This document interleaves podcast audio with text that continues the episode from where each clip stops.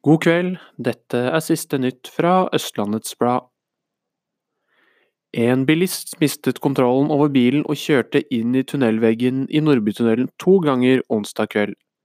Bilisten og passasjeren kom fra ulykken med lettere skader.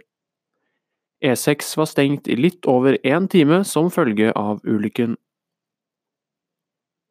Anita Godager er ny vikarrektor på Greverud skole. Hun ser fram til den nye jobben, forteller hun til ØB. Fire av ti lokalpolitikere i Norge blir utsatt for hets. Tallene er ikke noe bedre i Follo. Politikerne forteller om tagging av huset, skraping av bilen og om trusler om massevoldtekt. Follo HK damer tapte onsdag den første av potensielt tre kvalikkamper mot Gjerpen. Kampen endte 29-26 i Skienshallen. Returkampen går i Langesalen på søndag. Siste nytt fra Østlandets Blad fikk du av Eirik Løkkemoen Bjerklund.